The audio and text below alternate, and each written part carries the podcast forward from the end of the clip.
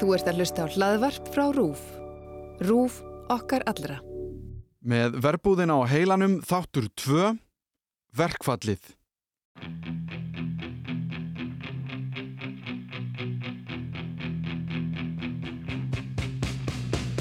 Og þetta var í alvöru, þetta fannst mönnum afskaplega skinsamlega til og réttmætt. Það eru sumarsólstöður, þetta, er- þetta er lengsti dagur ásins, það er bara það er ekki sens að finna myrkur. Og það var svona skrúa fyrir heita vatni hjá einsum ráðamönnum og, og, og, og svo framvegis sko. Og Nú hefur tíminn liðið og við vöknum í miðju verkfalli sem hefur sett allt í frost, nema fisk auðvitað. Jón Hjaltalín er mættur á þing og við hlustum á hann messa yfir alþingi um verðbólgu, skort á réttindum fólks í verbúð og sjómannaverkfallið sem sé að lama samfélagið. Harpa og grímur eru milli steins og sleggjum að standa með sínu fólki eða laumast út á sjó til að geta borgað af tógaranum.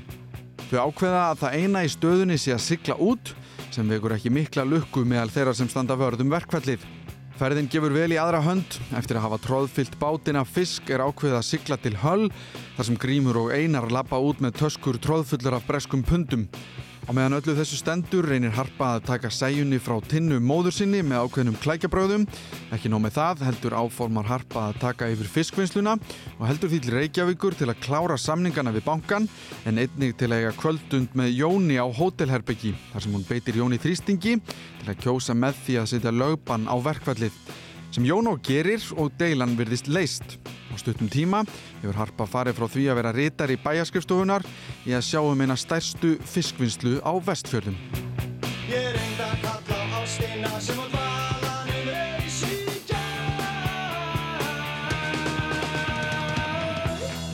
Velkomin í annan þátt af með verbúðina á heilanum. Ég heiti Alli Már Steinarsson og í þættinum í dag ætla ég að kafa ofan í verkföllin sem voru tíð þarna á nýjunda áratugnum og fer mikið fyrir í síðasta þætti verbúðarinnar. Til þess fekk ég til mín Augmund Jónasson sem ásand öðrum fór mikinn í baróttunni fyrir réttindum verkafólks á þessum tíma. En áðurum við stingum okkur á kafi í djúbulög verkfallana, skegnumst við aðeins á bakvið tjöldin við gerð þáttana og fáum Sigurd Magnússon, ljósahönnu verbúðarinnar, til að segja okkur frá því hvernig það var að takast á við jafn stórt verkefni og verbúðin er. Ég heiti Sigurður Magnússon, kallaður Siggi Bahama, uh, búin að vinna við uh, ljós í kveikundum og sjónvörpi í að verða 20 ár, sem er mjög vandræðilegt með hvað ég er ungur og vill vera ungur. Ég var dregin inn í, í verbúðina af Gísla Erni til þess að aðstóða vinn minn hann Hrapp Garðarsson, betur þetta sem krummi, við að gera hans fyrstu sjónvarsserju. Staðurinn sem ég langar til að byrja á Já. er að því að ég talaði við Möggu og Rebekku, búningahönnuðina, Já. um bara búninga, fötin. Já. Og við snertum smá á því að ég held að tilfinning fólks yfir höfuð ga- þegar það er að horfa eitthvað efni Mm ég held að sé alltaf erfitt að átta sig á því hvað það er mikið að ná bakvið. Eins og með búningana fólk kannski heldur bara, herði, já, kemur þetta ekki bara með fötur fataskáfnum, þú veist. Emmett. og ef við förum að tala um lýsingu Mm þá er það náttúrulega ennþá flóknara. Af því að fólk, af því að sko ef að lýsing tekst vel, þá er hún þannig að fólk pælir ekki í Það er oft sagt um okkur að við berum ábyrð en ekki ávexti. Við sem sagt, uh, okkur er kent um þegar lýsingin er léleg en hérna, ef hún er góð þá fær tökumöðurinn edduna. Þannig að við erum svolítið svona eins og CIA að hérna, þegar CIA stendur sér illa þá er allir brjálæðir en ef að CIA stendur sér vel þá veit enginn af því. Ekki svona svolítið, skemmtilegt með hérna verbúðina, hvað okkur tókst vel til, uh, hvað mikið fólki er að tala um lýsinguna. Og ég vil nú ekki taka allan heiðurinn, auðvitað ekki, af því að ég heyri undir honum hrafni, uh, krumma, og hérna við áttum bara glæsilegt samstarfaðna og hann leiði mér svolítið að dansa og saman uh, náðu við að gera ótrúlega hluti í mjög erfiðum aðstæðum.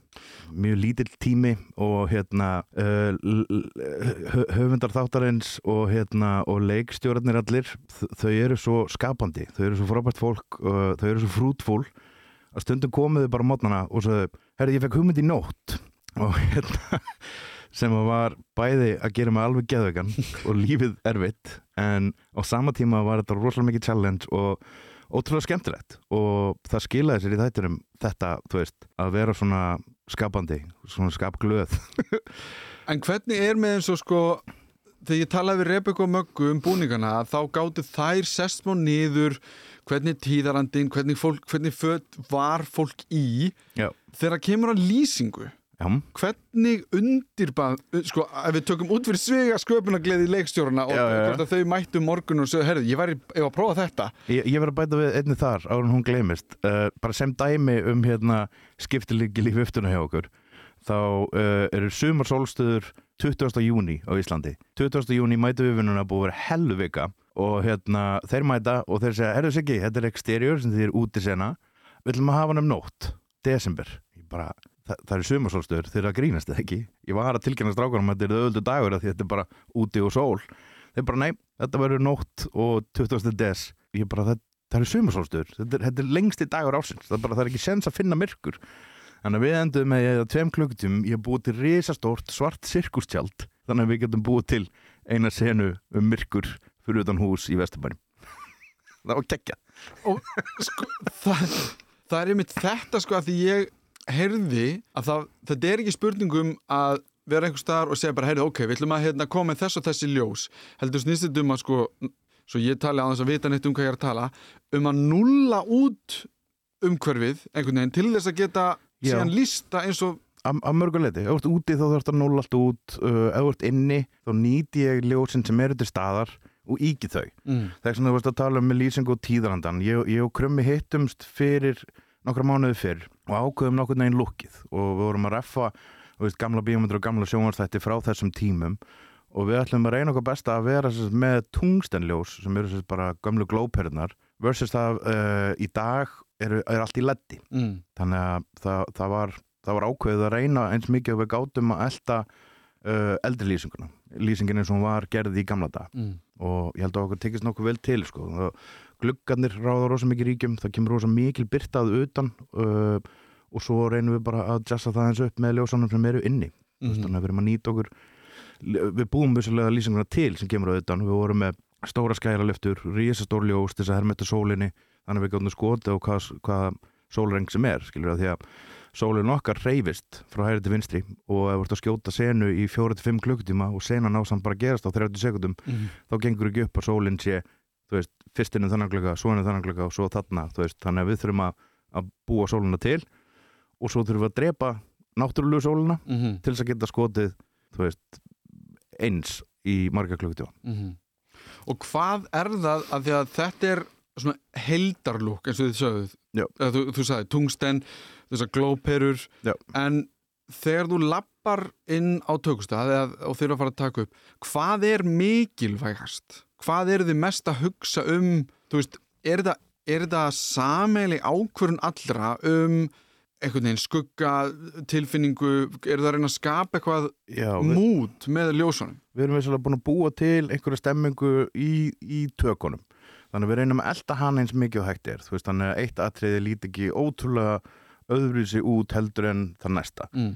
Þannig að við erum búin að velja okkur liti sem er til dæmis appisinu liturinn í ljósastjörunum, hann er mjög ríkjandi uh, svona blágræni uh, liturinn frá tunglinu hann er mjög ríkjandi um glugga og, og mikið í útisenum og svo þessi fallegi tungsten uh, guli litur sem er þá í öllum lömpum og svona borðinu. Þannig að þegar við löpum inn þá erum við frekar að hugsa um að reyna að halda þessu í lukkinu og gera þetta fallegt. Og ég þarf að vinna í kringum tökumannin og þar að leiðandi leikstjórana um hvernig rammin á að vera yfir í hvernig ég get líst skilur, ef það er alltaf að vera á víðri linsu allan tíman þá á ég ekki sens að setja neinn ljós inn. Þá þarf ég að reyna að ígja eða gera eitthvað uh, sem má vera í, í mynd má vera í ramma.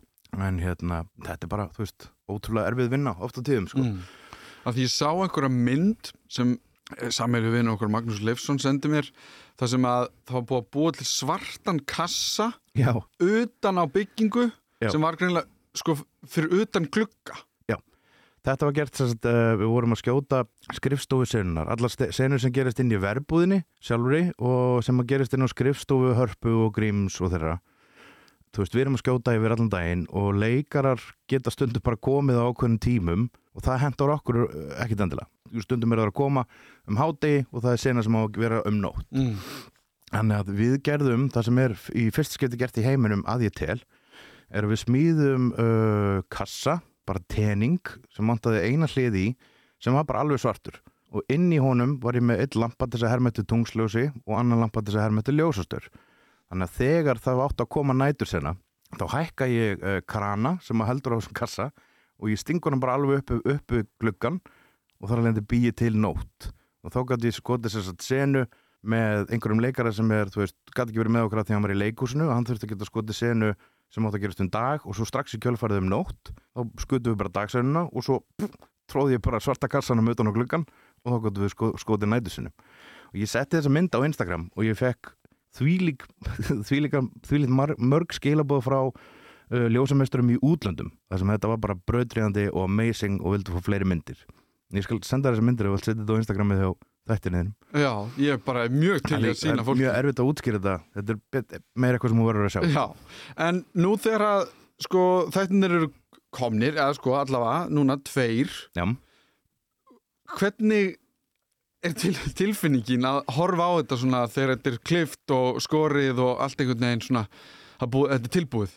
Sko, uh, fyrir mig að horfa á þetta aftur er alltaf stressandi. Alltaf því ég fer á frumsýningar af einhverju sem ég hef unnið í það gert þá er ég alltaf stressaður að finna mistökin mín og ó nei, ekki panna lengra þannig ljós, þannig ljós, nei, ó, rétt slapp skilurðu. þannig að ég horfi í sjálfur sig þarf alltaf að horfa tvisa þrísar á mín eigin verk til þess að geta notið þeirra Mm. til þess að geta upplöfað þetta eins og uh, bara áhrandi, skilur en þegar ég horfði á þetta þá fylgst ég stolti, ég var mjög annað með minn mann Krumma og leikstjárunni þrýr eiga öll hróskilið, þetta var þetta er indisluðu þóttur, ég Mm. er bara mjög geng stoltur frá verki, sko.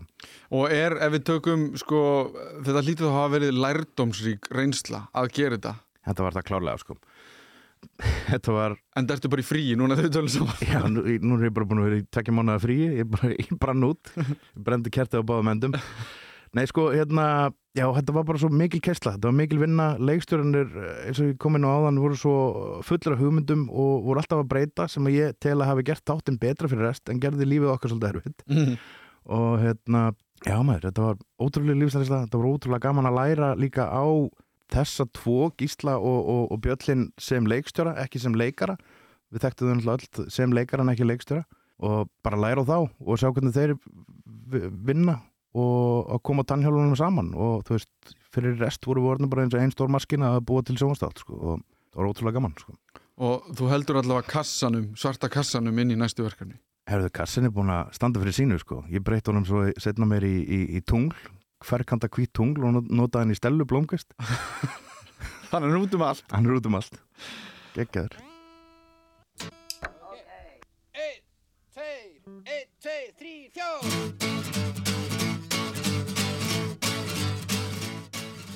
Ögmundur Jónasson heiti ég, fréttamaður á útvarpi og síðar sjónvarpi í einn áratug, 1978 til 88, lengsta formaður starfsmannafélag sjónvarsins, var formaður BSB 1988, settist inn á Þing 1995 og satt þar til 2016 í langan tíma í senn formaður BSB og alþingismæður en eftir ég varð ráð þeirra árið 2009 þá sagði ég af mér formensku í BSB var síðan á þinginu til 2016 eins og ég segi og þá fór ég út á nýjar slóðir í, í, í pólitíkinni.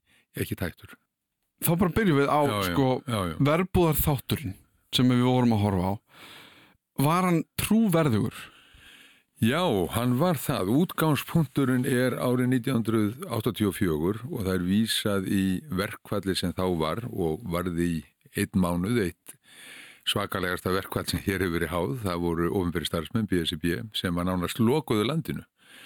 Leikskólanir voru lokaðir, sjúkrahúsin, þau störfuðu ekki sem eh, svona venjubundið var. Það það var ekki, ekki landað úr millilandaskipum þannig að búðirnar tæmdu smám saman, gárungarnir sögðu að þegar að þegar að klósett pappirinn tæmdist úr hillunum og, og síkaretturnar að sama skapi að þá hildu undir neyðar ástand þetta var nú gárangarnir sem að orðið það svona en þetta er ekki alveg út í hött en það sjáum við í þáttunum hver, hver veiga mikið þátt síkarettan hafði á þessum tíma sem að, sem að síðar var. Þetta var verkvallið en þú spyrir um trúverðuleikan e, þáttanna hvað þetta kannski snertir. Þá myndi ég vika svarið út og segja Já, en við þurfum að hafa allan, eh, allan nýjunda áratugin undir. Þetta er trúverðugt um ástandið á vinnumarkaðnum og með tilliti til sjómennskunnar og, og, og fiskvinnslunar á þessum áratug. Og hvað var svona trúverðugt við það? Jú, það voru verkvöld. Það var verkfall eh, 1980, 81, 82, 1985 var sjómannaverkfall, eh, 1987 og 1990 held ég líka. Allan áratugin að þá logaði hér allt í verkfallum og hvers vegna? Jú, það var óðaverbolga, það var stöðugt verið að fykta í genginu eh, með það fyrir augum að tryggja hagsmunni útgerðarinnar það var gert með þeim hætti að tryggja sagt velægið á utanlandsmerkuðum en draga á launakostnaði innanlands, framleiðslu kostnaðinum, það gerðist með gengisfellingu. Og hverju, hvernig svörðu sjómenn og fiskvinnslan og launafólkið sem að bjóð þá við rýrnandi kjör, jú með verkvöllum. Mm. og þau voru sem sagt mjög, mjög tíð. Og við sjáum þessa tokstreitu líka byrtast milli sjómannan annars vegar og hagsmuna þeirra og fiskvinnslunar hins vegar. Og hvað er fyrir að tala um? Það er fyrir að tala um að þetta þurfa að vera einni hendi. E, Fiskvinnslan, vinsla e, sjávarafurðuna og, og veiðarnar sem að fór e, síðan að sam, saminast og við sjáum þarna í þáttunum og það lofar góðu. E, hvað, hvað, hvað, hvað er í vandum í rauninni varðandi eignarhaldið? Og mér fannst aðteglisvert og svolítið ókveikjandi að sjá glíuna í augum manna þegar þeir komust í tæri við, við gullið, við græna gull, við, við bundseðlana í, í húl. Þetta er alltaf, alltaf koma. Jú, þetta er e, trúverðugt. Hvað var þar hérna félagslegu umgjörð, það er ekki nokkur einasti vafi á því, að á þessum áratug þá leik alltaf uh, reyði skjálfi, það voru átök um það hvernig þetta skipta verðmætum í þjóðfélaginu, uh, voru þau betri eða verri en það sem nú er, það er á því kostir og, og, og gallar því að með stöðura verðlagi sem að varð í landinu eftir 1990 eftir svo kalluð þjóðarsáttasamningana að þá lægði allt þetta. Þá urðu þessar gengisfellingar ekki svo tíðar. Verðlægið var stöðura og það fariðis meiri ró yfir en þjóðfélagi sopnaði kannski. Það var sprell lifandi á þessum, uh, þessum, þessum tíma en lífið byrtist í þessum erfiðu átökum. Já, og sko svo förum aðeins í þessi erfiðu átök að því að eins og við rættum hérna aðeins áðan að sko ég er að fæðast um þetta tímabil þannig að ég er svona doldið, alg, ekkert svolítið, ég er bara algjörlega ómeðvitaður um kannski alvarleika málsins, þú veist, ég vissi að það hefði verið hérna verkföll og, og því um líkt, en ef við förum aðeins ísamt af því að þú nefndir sjómanverkföllin hvað var það, 81, 82, 85 84 er samt verkfall sem að sko, að því ég var nú að lesa það í bókinniðinni þetta hefur allt sko samverkandi áhrif.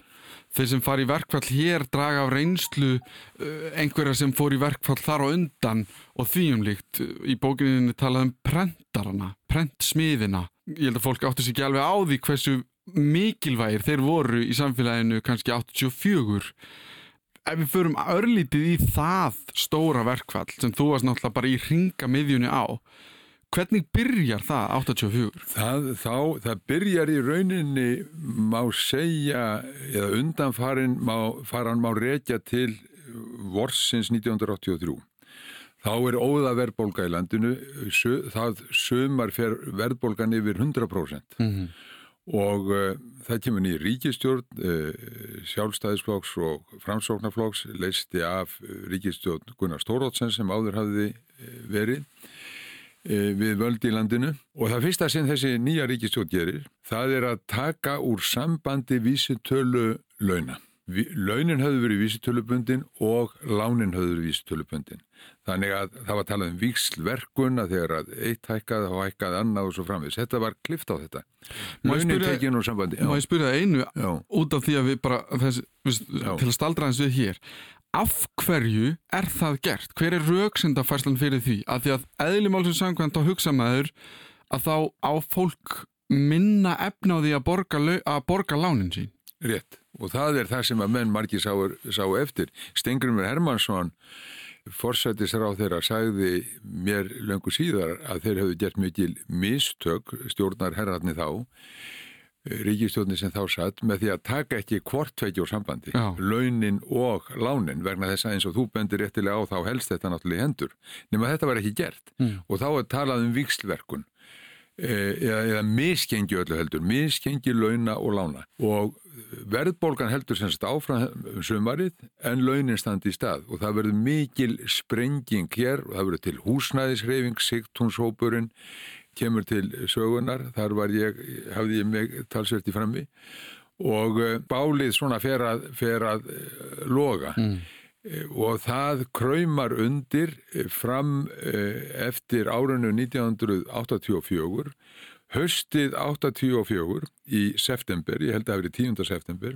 þá fara prentararnir, prentsmiðirnir, prentararnir fara í verkvall.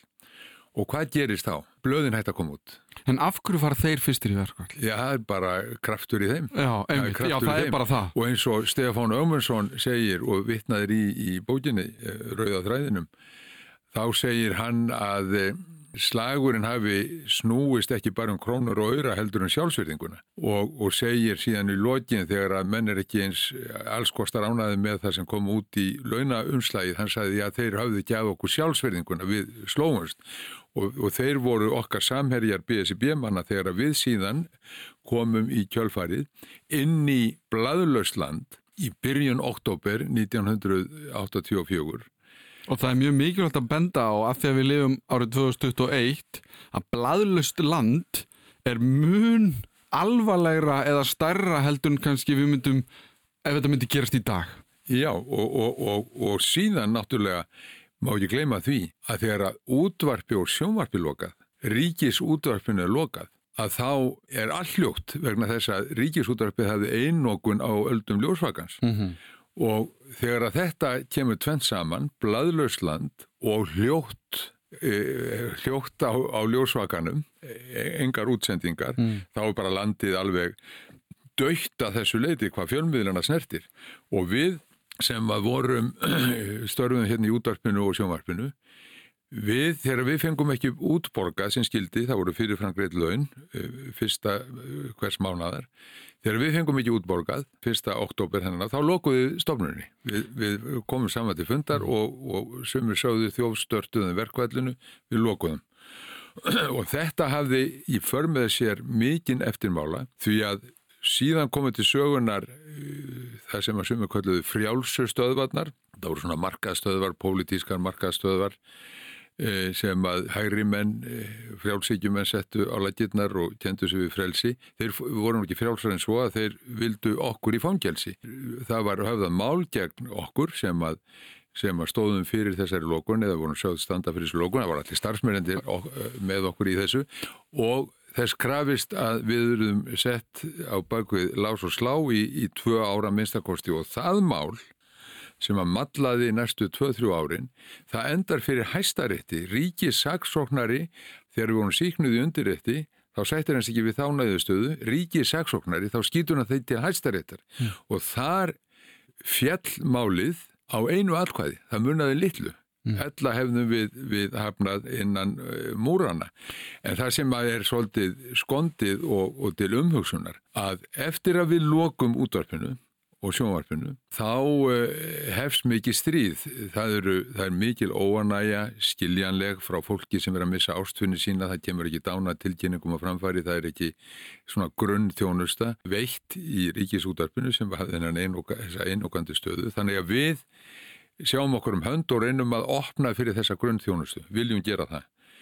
Þá bregður svo við að anstæðingur okkar í útvarsráði, það voru fulltrúar sjálfstæðisflokksins, þeir vildu halda öllu lokuðu vegna þess að þeir töldu það koma sér illa fyrir okkur að halda þessu lokuðu. Þannig að nú er dæminu snúið við og slagur hefst um þetta og við fengum síðan í lið með okkur eh, Andris Björnsson útvarstjóra sem að gengst fyrir því að, að, það er opnað fyrir þessa þjón, grunn þjónustu sem að við öll vildum, uh, vildum hafi líði. En þetta minnir á hver harkan var í þessu máli og verkfallið það hafði lamandi áhrif út í allt þjóðlífi. Það stoppaði bókstaflega allt. Það var náttúrulega skólanir og leikskólanir og háskólinn og meir og minna og skipaflutninga til landsins, flugsamgöngur eh, og eins og ég segi klósett pappirinn hvar úr hillónum og sigarettunar líka og, og, og, og annað sem að kannski skipti meira máli en eh, það sem að gerir síðan í kjölfar þessa verkvall verkvalls að þá er hafist handa um að aftengja þessa hluti alla þannig að þetta geti ekki gerst aftur það er breytt lögum hvernig, og- hvernig þá?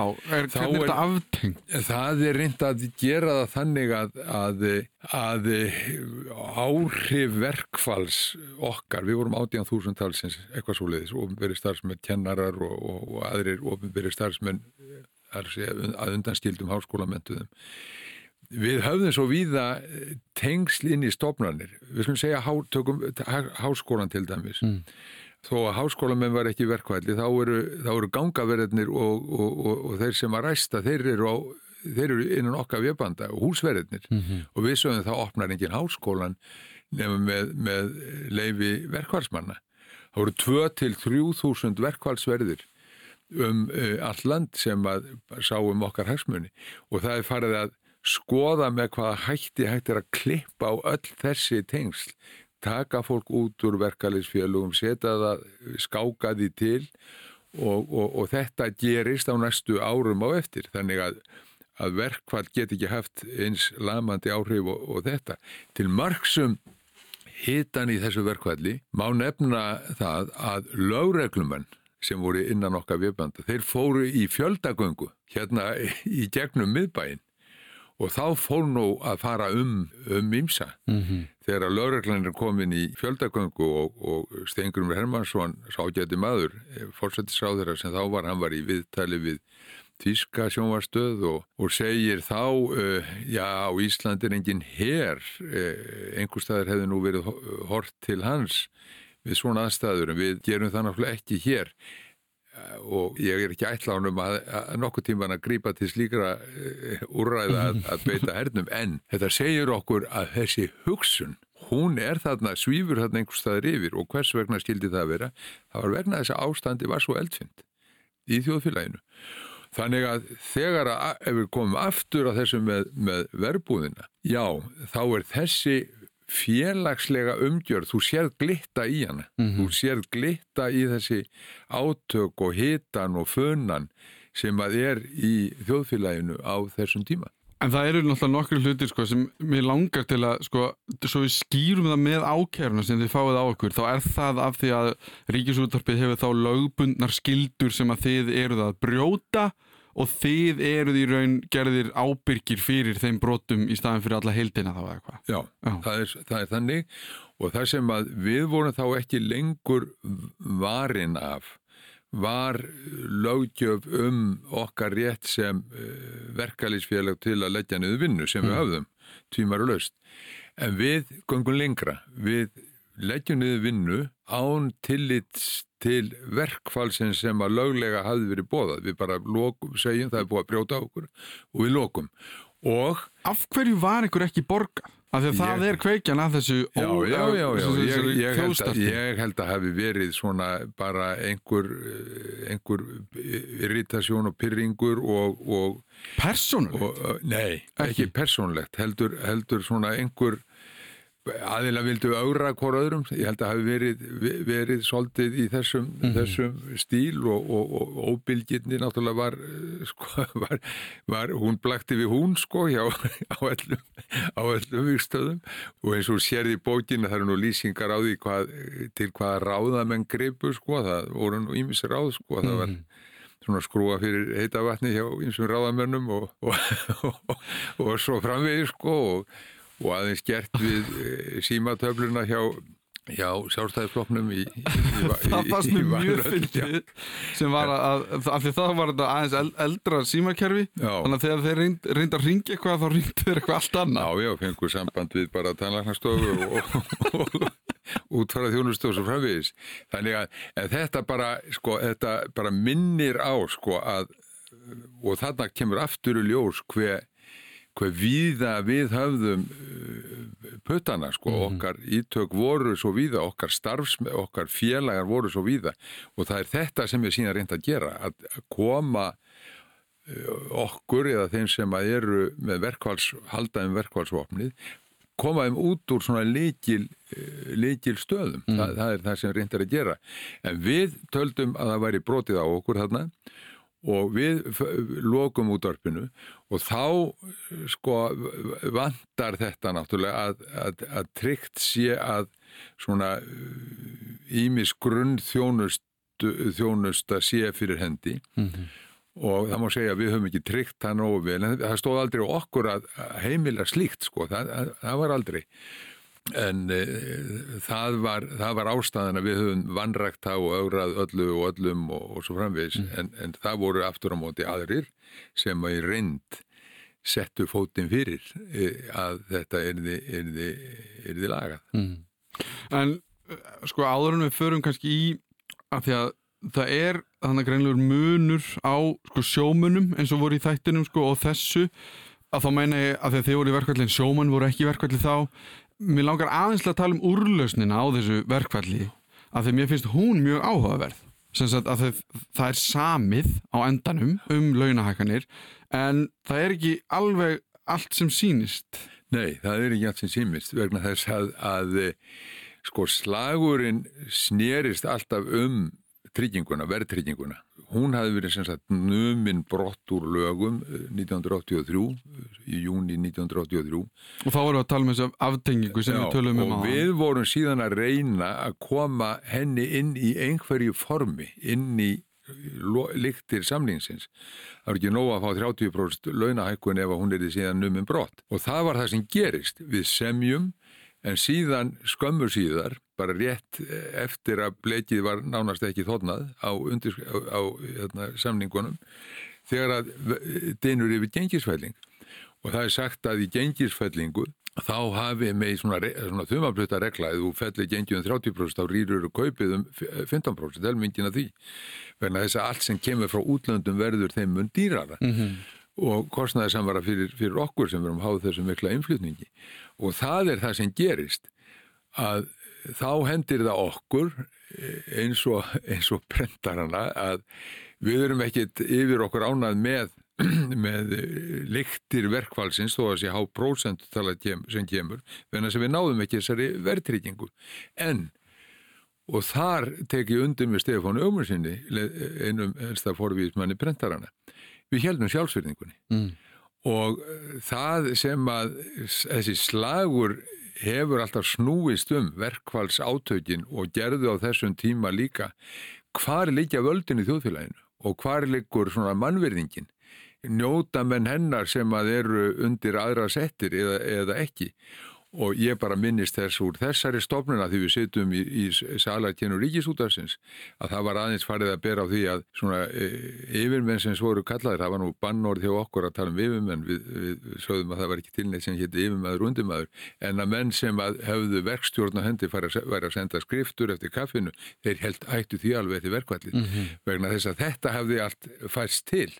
Og um það hefur þessi barátt alltaf snúist í mínum huga verkvarsbaráttan, hún snýst ekkit bara um krónur og öra, hún snýst um mannvirðinguna og völdin eða valda leysið inn á, á vinnustæðnum og þú sér þetta í þessum þáttum líka, þú sér þessi átök líka og ég bara hlaka til þess sem í, í, í vændum er sko þegar að þegar að svona völdin fara að reyfast til sem að er alveg fyrirsjáanlegt þegar að valdið yfir auðlindinni svona færis, færis til. Mhm. þá, þá, þá, þá, þá gerist eitthvað eitthvað mjög mikið.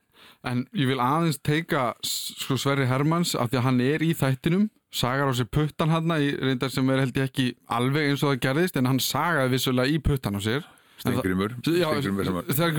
Sorry, Stengrimur Hermansson bara þetta, þessi tilvitnun í hann í lokin við sömdum ekki, við sömdum um launahækkununa en við sömdum ekki um verðringuna við sömdum ekki um, já, við sömdum ekki um kaupmáttin um við kaupmáttin sömdum um krónurnar en ekki hvað fengist fyrir þar, ekki um kaupmáttin og þetta þarna hittir hann naglan á höfuðið. Og það sem gerðist í þessari stofnun var svona dæmigert um hitan, funan sem innra með brann hjá fólkinu og var enn logandi svona má segja eftir, eftir verkvælið.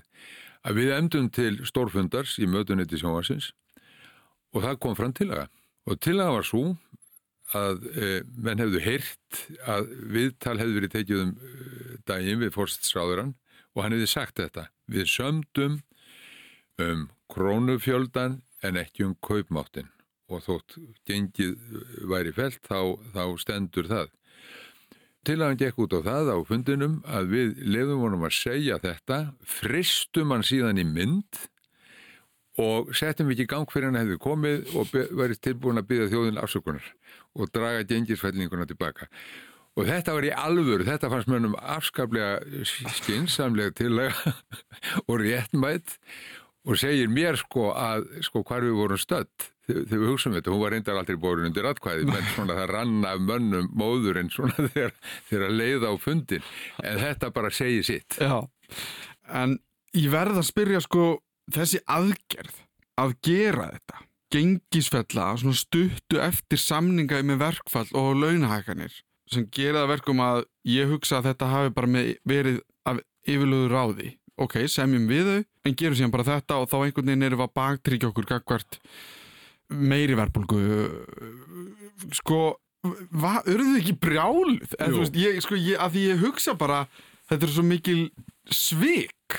Jú, það er þa- þannig litum við á það. Mm. og okkur fannst þá eftir sagt, þessa baráttu í heilan mánuð, þá fannst okkur þetta eh, svik, algjör svik.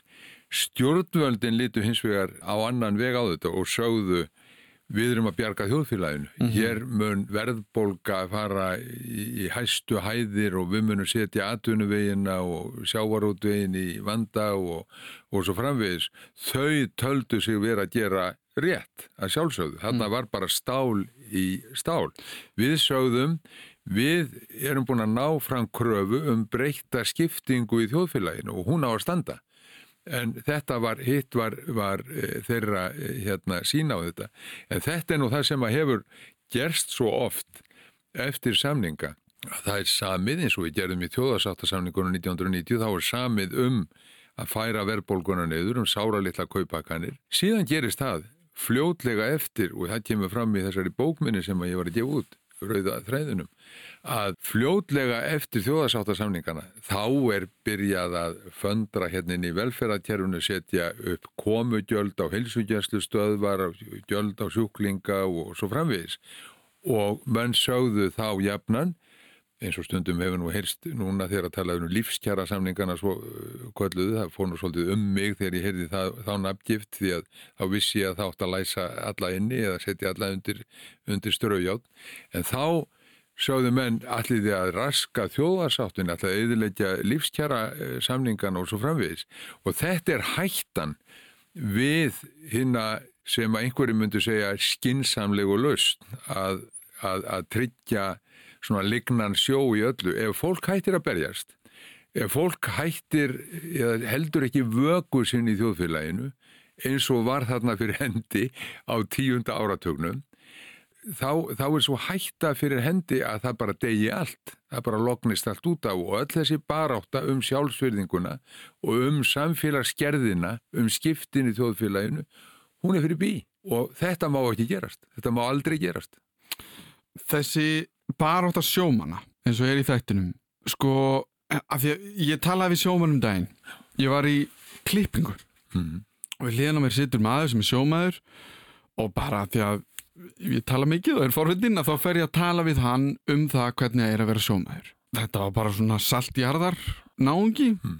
fílaði að vera sjómaður en um leið og talið barst að einhvers konar peningum að þá auðvitað voru alls sín skoðanir og ég náttúrulega þekki hennan heim ekki nógu vel til þess að ég er ekki búin að mynda með hennar skoðun, ég veit ekki nógu mikið um þetta. En baráttan sem er í þættinum um laun fólksinn sem er að verka allan fiskin og gera þetta allt rýmaði þetta aldrei við það sem þessi maður var að segja mér árið 2021 þannig að mér líður eins og í 30 ár þá hafi þemað verið svona svipað lausnin á þessum verkföllum sem þú talaðir um sem voru nokkur frá 80 til 90 bara við, ef við tökum bara þau tíu ár hver var hún? Af því að ennþann dag í dag eru við að ræða um hverjir eiga kvótan og, og þetta allt saman Sko, leistist þetta eða var þetta bara einhvern veginn alltaf í svona hálgerðu stál í stál stemningu? Ég held að e, sko, við erum, að sumuleiti erum við fjæri lausninni núna, Mm. ef við vorum þá vegna þess að þrátt fyrir allt þá voru þessi átök sem þarna urðu þau þessi tíðu verkvöld og þau urðu til þess að bæta eða svona laga þessa skiptingu á milli eh, útgerðar og sjómanna og, og, og svo framvegis. Það hefur verið að takast á um hluti og færa þá til betri vegar í þessum verkvöldum. Það er ekki nokkur einasti vafa á því og þjóðfélagið þó það væri leki alltaf reyði skjálfi annað veifið að þá, þá, þá var verið að tryggja að góðæri sem að fyldi aflarrótum að það færi ví, vítt og breytt um þjóðfélagið.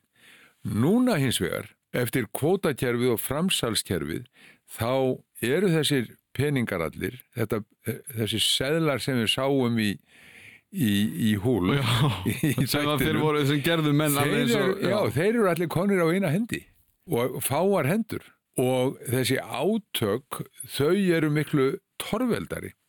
Það er búið að gera það sem einhverjur hefði á þessum tíma sagt skinsanlega hluti, samina fiskvinnslu og, og útgerð og, og samina fyrirtæki og gera þetta allt skinsanlegra og betra. En ekki að þessu leiti ekki hvað varðar skiptin í þjóðfélaginu. Og, og svo sjáum við þarna í þættinu þegar að, þegar að sagt er, heyrðu, er ekki svolítið snjallræði að búa til varasjóð hérna úti Mhm. og setja hluta því sem er hérna í koffortunum þangað. Þetta var síðan gert. Þetta hefur verið gert. Farið fram hjá uh, kerfinu, farið fram hjá sjómönnum og það sem að á þessum tíma var sýnilegt og sýnilegra er orðið ósýnilegt komið á bakvið tjöldin. Þannig að til þess að leiðrétta þetta þá þarf eh, þjóðfélagið að vakna og taka á grundvallar forsendum þessa kerfis. Og þess vegna höfum við sögum talað fyrir því að fá kótan heim. Fá kótan heim til sjávarbyggðan aftur og fara svona eh, greina þetta í sundur eh, ha- halda veiðunum aðskildum frá vinslunni og svo framvegis og gera eh, svona eh, móta okkur skinsanlegt kerfi og öðrum forsendum en, en, en, en nú er að þróast. Af því að þetta er einmitt mjög áhugavert sko að halda með einhverju fólki eins og í þáttunum þau eru þarna harpa og maðurinn hennar og, og þau sem eru sko þau eru bæða brjóta verkfall sem er náttúrulega mjög illa séð, Jú, jú. við getum bara orðað Jú, þannig, pent, orðað pent. En líka eins og nefnir, það er eigum við ekki að setja þetta einhvern banka hérna í húl. Það eru miklu meiri peningar í, hul, í höll. En einhvern veginn heldur maður með þeim að því að þau eru samt og það er svo skrítið að upplifa þessar tilfinningar eða ég uppliði allavega að hugsa já þau eru bara að reyna að lifa af en hér er vísirinn að einhverju sem að er kannski ekki alveg nóg gott Nákvæmlega og, og sem á eftir að leiða okkur út á svona revil stigur, vil ég segja, samfélagslegar re, revil stigur. En það er alveg rétt að í þessum hildarleiköllum og þegar við skoðum samfélagið á þessum tíma, við skoðum, uh, við, við sjáum útgerðamannin, við sjáum forsvarsfólkið í bæjarfélaginu sem vil halda lífi þar. Við höldum með þeim öllum. Þau eru öll að berjast fyrir góðan og verðugan málstað í reynd. Allir vilja vel, svona þegar, að, þegar allt kemur til alls. Það sem að hins vegar er að gerast, að við sjáum mammon læðast inn í þessa tilveru. Og það er, verður fróðlegt að fylgjast með mammon Já, í komandi þáttum. Þá er komið að lokum hjá okkur í þetta skiptið. Annar þáttur komin og farin og þá tekur við byð eftir þeim næsta. Ég þakka Sigurði Magnúsinni ljósa hönnuði fyrir komuna og að segja okkur meira frá vinslu þáttana. Það kemur mynd af kassanum fræga á vefin hjá okkur innan skams. Einnig þakka ég augmundi Jónasinni fyrir að leiða okkur í gegnum verkfallsbaráttuna á þessum tíma sem var stór merkileg og eigum við öllu því fólki sem barðist fyrir mannreitindum sem okkur finnst kannski eðlileg í dag mikið að þakka. Plaka til að tækla þriðja þátt með ykkur eftir viku. Ég heiti Alli Már Steinarsson og þakka fyrir mig. Þetta var með verbúðina á heilanum.